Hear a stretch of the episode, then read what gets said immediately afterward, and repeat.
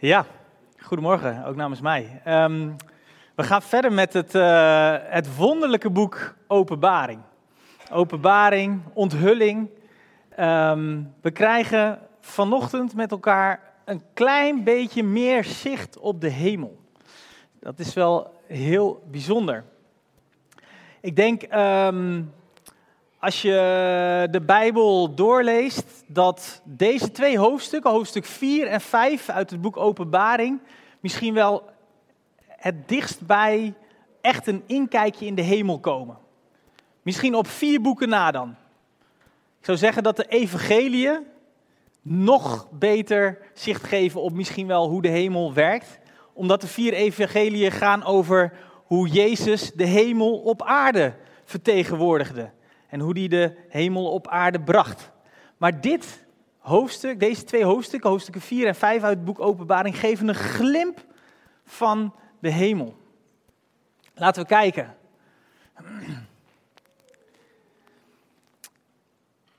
Margreet heeft Openbaring 4 gelezen en 5.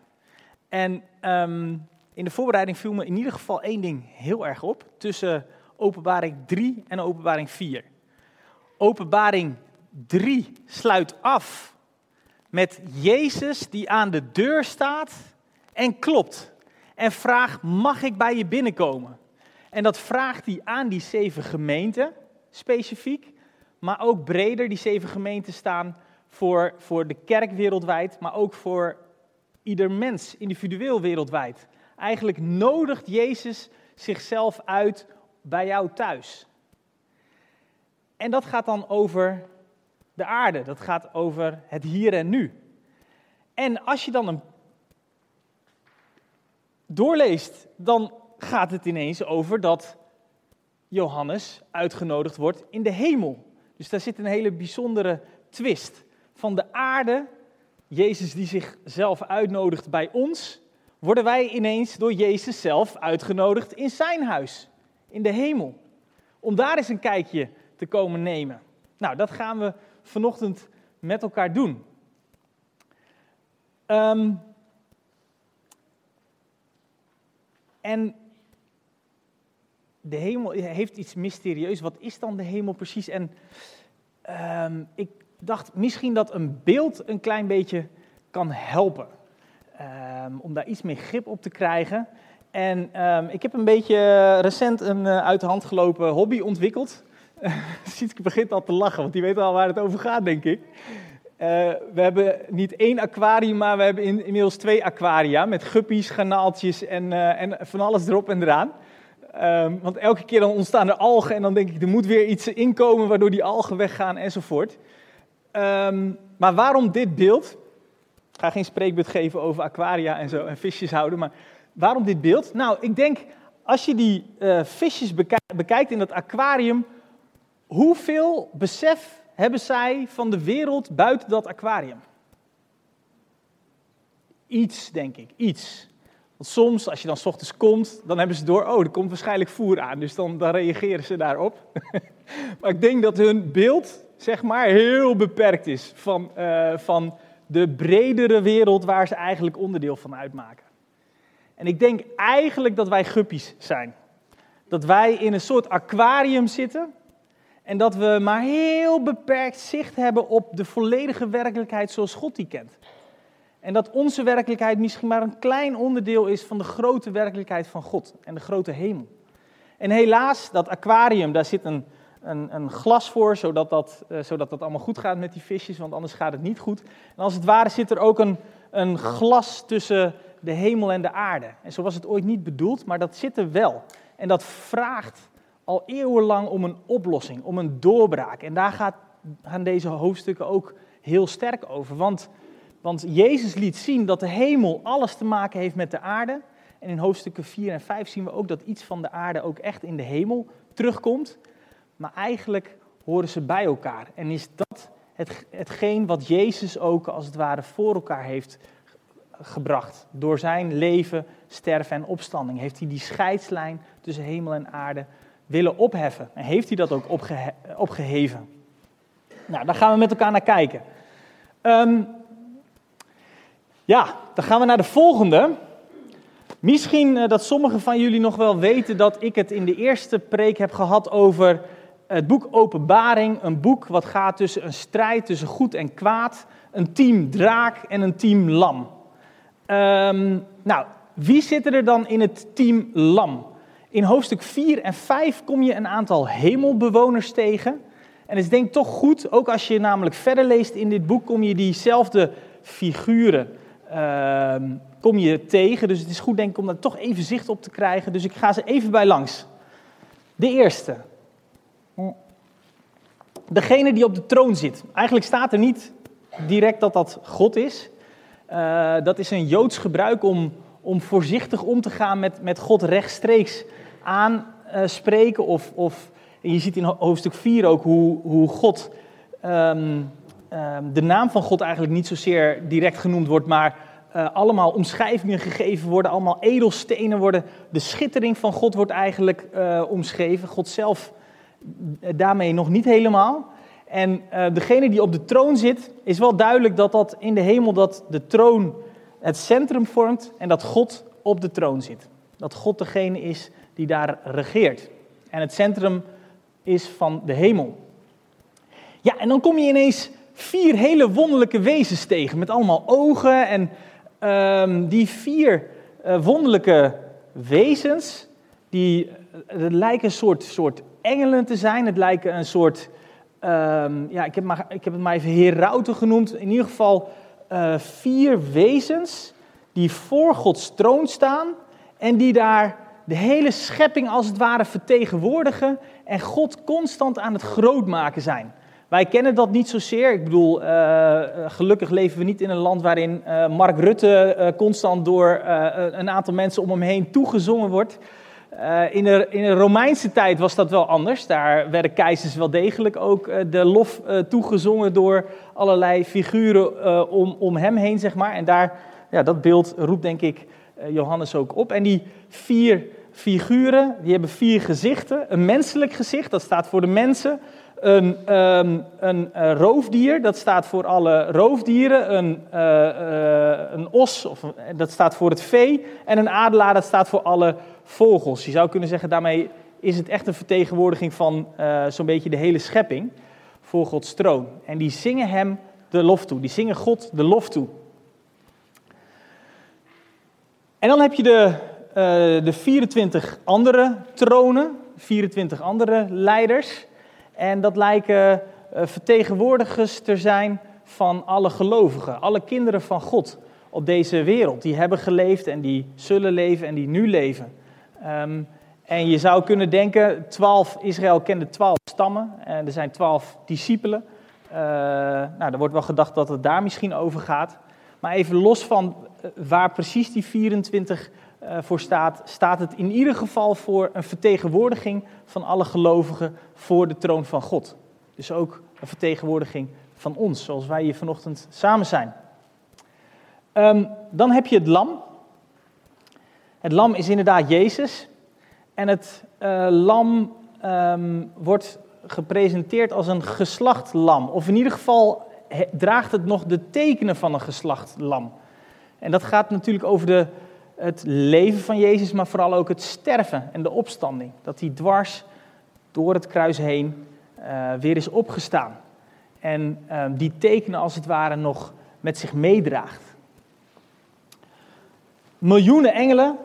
Um, Johannes gebruikt hier het grootste, getal wat in die tijd uh, wat ze kenden, zeg maar. Dus, dus het gaat eigenlijk nog over meer misschien wel dan miljoenen. Het gaat in ieder geval over een oneindig aantal engelen wat daar ook in de hemel, die zich ook daar in de hemel bevinden. En dan, ik hoorde iedereen zingen, dan is daar ook nog een, een, een hele grote schare, een hele grote menigte die daarin ook meedoet.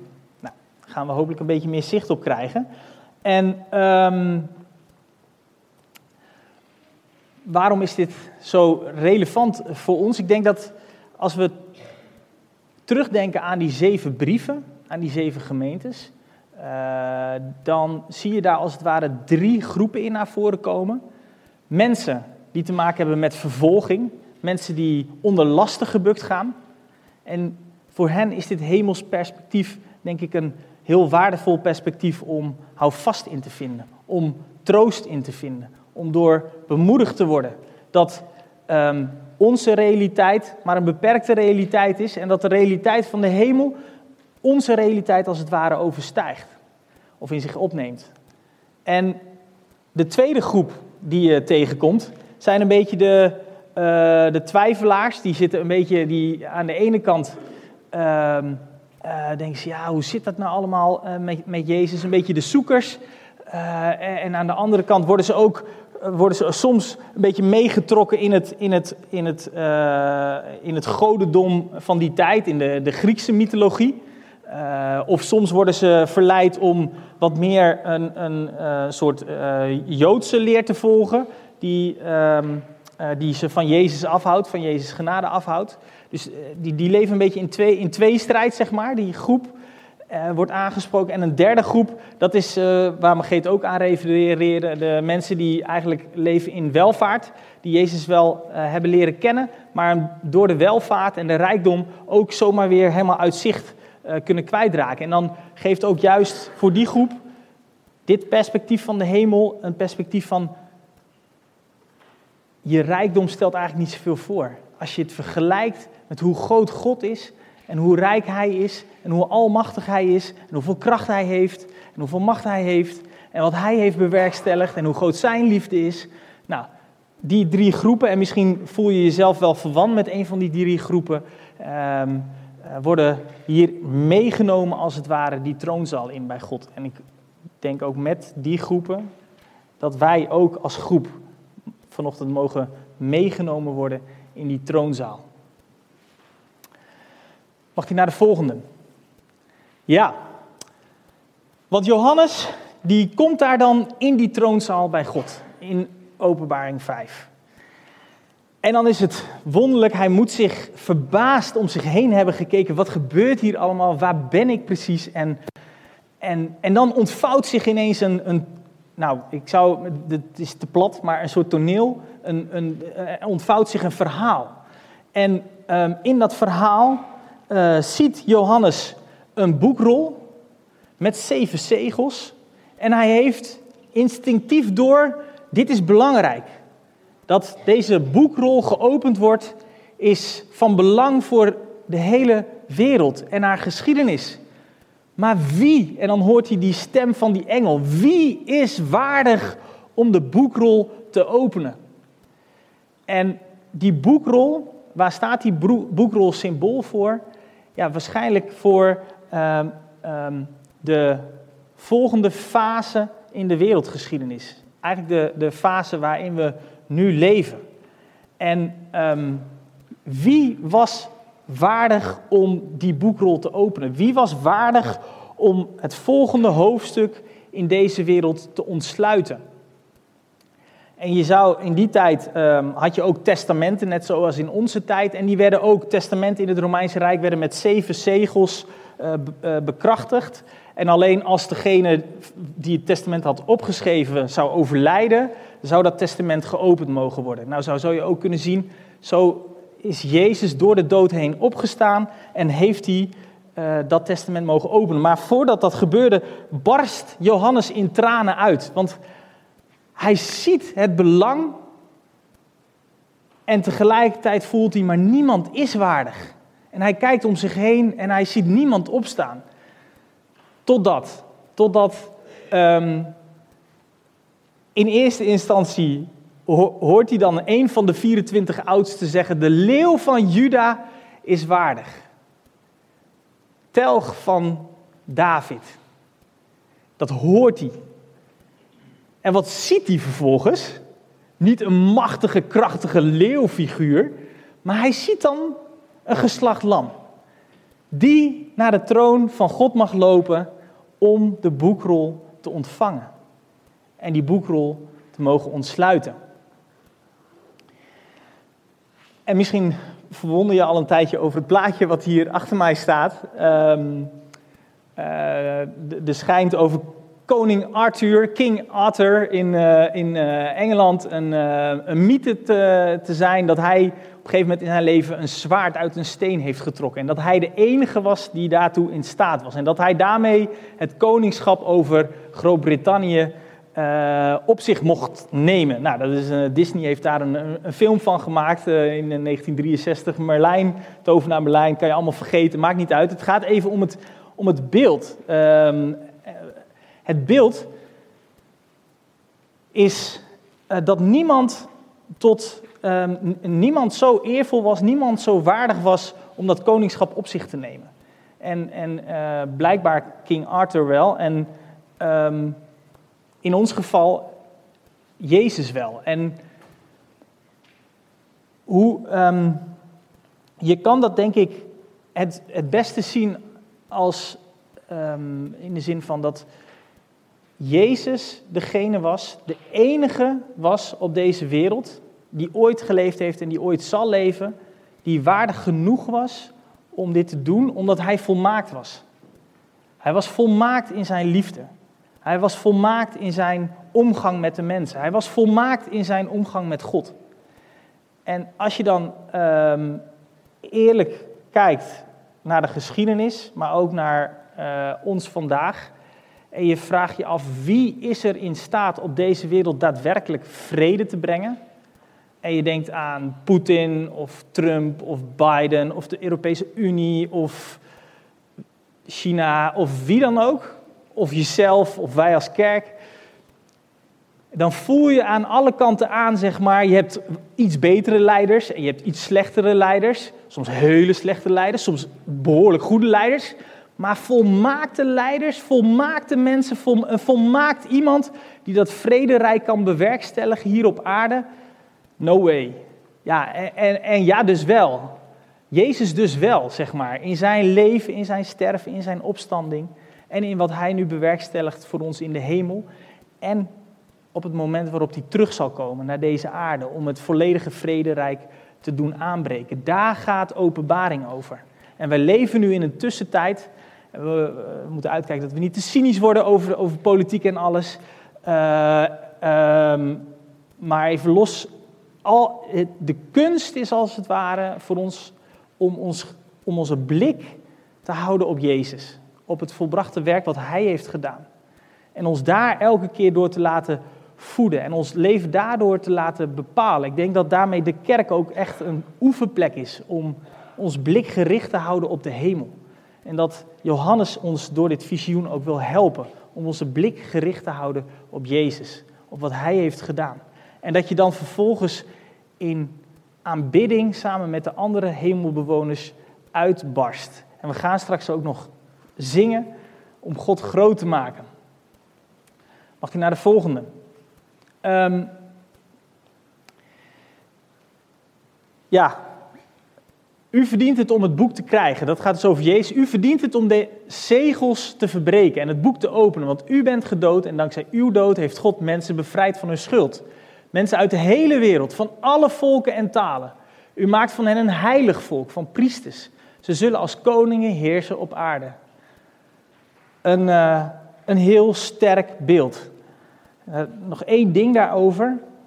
De mensen in die tijd uh, waren gewend dat in hun stad of dorp dat daar slavenhandel plaatsvond. Dat je met je boodschappenmandje naar de markt kon gaan en dat je daar niet alleen groente en fruit kon kopen, maar dat je daar ook slaven kon kopen. Um, en ergens roept dit beeld met schuld dat Jezus betaald heeft voor ons, um, mensen denken dan daaraan. Dat ze als het ware um, op, een, op een bepaalde manier verslaafd zijn aan en niet in staat zijn om het volledig goed te doen. En dat ieder mens het nodig heeft om vrijgekocht te worden door Jezus. En dat Jezus dat ook doet. Dat hij die markt opstapt en dat hij ons ziet en dat hij ons vrijkoopt. En ons in de vrijheid zet. Nou, dat, dat, dat, moet hun bemoedigd hebben en dat mag ons ook bemoedigen. Dat we dankzij Jezus vrij zijn gekocht. In vrijheid mogen leven. In vrijheid om God lief te hebben, om elkaar lief te hebben, om de schepping lief te hebben. En dat we daarmee, um, ja, dat onze ja, nee, dat we staan allemaal bij de, in, bij de morele bank. We zijn, we zijn in zekere zin allemaal failliet. En, en Jezus vult zeg maar, onze, onze bankrekening aan met wat Hij heeft gedaan voor ons. Dus dat hoeven we niet uit onze eigen tenen te halen. We mogen vervolgens wel meedoen met Hem. We worden uitgenodigd en daarin zie je dat de hemel niet alleen de aarde beïnvloedt, maar dat de aarde ook de hemel beïnvloedt. Dat onze gebeden als een reukoffer voor Gods troon gebracht worden. Ehm, dat onze gebeden ertoe doen in de hemel. Wonderlijk, soms bid je misschien wel eens en denk je van ja, uh, bereikt het wel iets of iemand? En ehm, hier mogen we, denk ik, bemoedigd worden dat onze gebeden, onze prachtig geformuleerde, geformuleerde gebeden, maar ook onze schietgebedjes, dat die voor Gods troon van betekenis zijn, gehoord worden, gezien worden. Dat er naar geluisterd wordt en dat het tot eer is voor God, ons gebedsleven.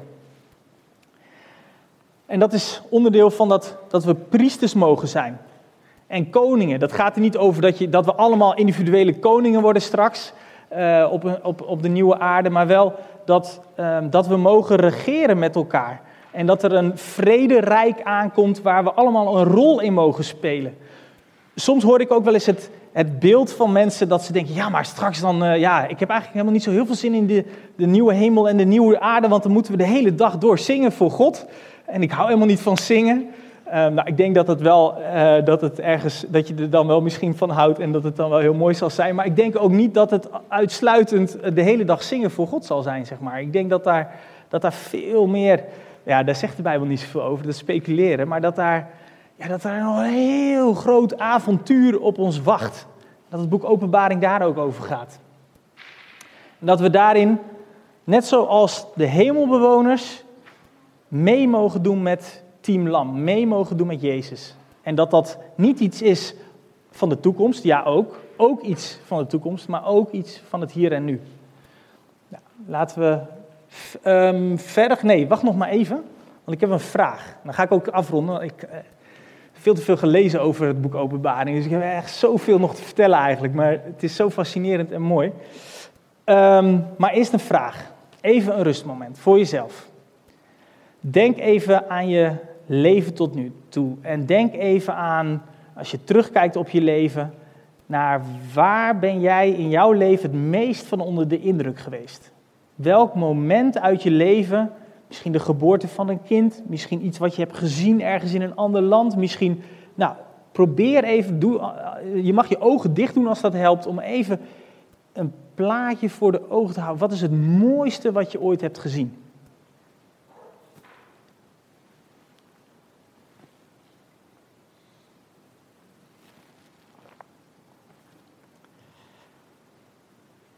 Heb je een beeld?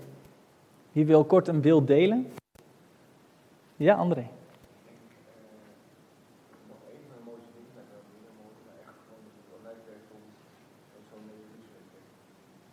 Ja? Dus bij de Olijfberg in Jeruzalem, daar ben je geweest en toen je dat plaatje zag, ja, dat is je altijd bijgebleven. Mooi. Ja. Iemand anders, Jessica?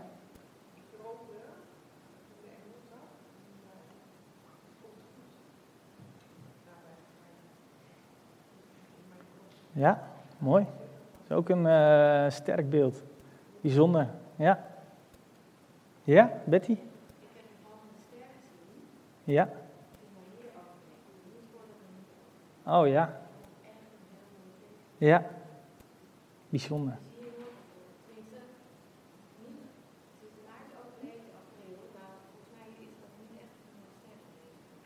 Nee, en dan wil het ook nog eens heel bewolkt zijn, dus uh, bijzonder. Ja. Nou, misschien heeft iedereen wel zo zijn beelden, zeg maar, die hij van voor ogen kan halen. Wat, wat gaat over schoonheid, over ergens van, helemaal van onder de indruk zijn. Nou, ik heb zelf een plaatje meegenomen uh, waar ik heel erg van onder de indruk kan zijn. Is um, als we in Frankrijk rijden en we zien de eerste grote bergen opdoemen. Dan denk ik altijd, wauw, wat is dit toch geweldig en wat is dit toch indrukwekkend. En um, laat bewust even dit plaatje zien en, en ons nadenken over, over schoonheid, over, over grootsheid, over ergens helemaal van vol zijn, ergens helemaal van onder de indruk kunnen zijn, omdat daar gaat hoofdstuk 4 en 5 ook over. Helemaal onder de indruk raken van hoe groot God is. En dan is het, zeg maar, de, de schoonheid van God is deze berg in het kwadraat. Of de olijfberg in het kwadraat. Of een vallende ster in het kwadraat. Of welk plaatje of beeld jij ook hebt. Ehm, ehm, ja, we hebben de eeuwigheid letterlijk nodig, denk ik, om, om uh, nog niet uitgeraakt, uh, nog niet uitge... we, raken nooit uitgekeken op God. um, en, en de volgende mag ook. Dit is een heel ander beeld. Niet een, een beeld van een mooi versteeld plaatje van prachtige bergen. Wie herkent het plaatje? 1988, jazeker. Volgens mij, ja, ja. Ik was er zelf niet uh, bij. Ik, was, ik ben in 1985 geboren. Ik heb, ik heb er eigenlijk geen weet van. Maar toch moest ik nadenken over wanneer barstte ons land echt helemaal uit in feestvreugde. Ehm, volgens mij was dit een van de meest significante momenten. Op het moment na de Tweede Wereldoorlog, bevrijdingsdag na dan misschien. Maar ik denk dat letterlijk het hele... Uh, Carolien, klopt dat een beetje? Dat het hele land op zijn kop stond in 1988? Sorry. ja. Ken je? Oh ja, oké. Okay. Oh, nou ja, ik... oh, ja, precies. Oké. Nou, in ieder geval uh, de grachten van Amsterdam, alles. Uh, um, en dat is ergens ook weer in de hemel, wat we daar zien, dat al de 24 oudsten, de engelen, uh, allerlei personages en karakters God he bezingen en helemaal in lof uitbarsten over wat Jezus heeft gedaan.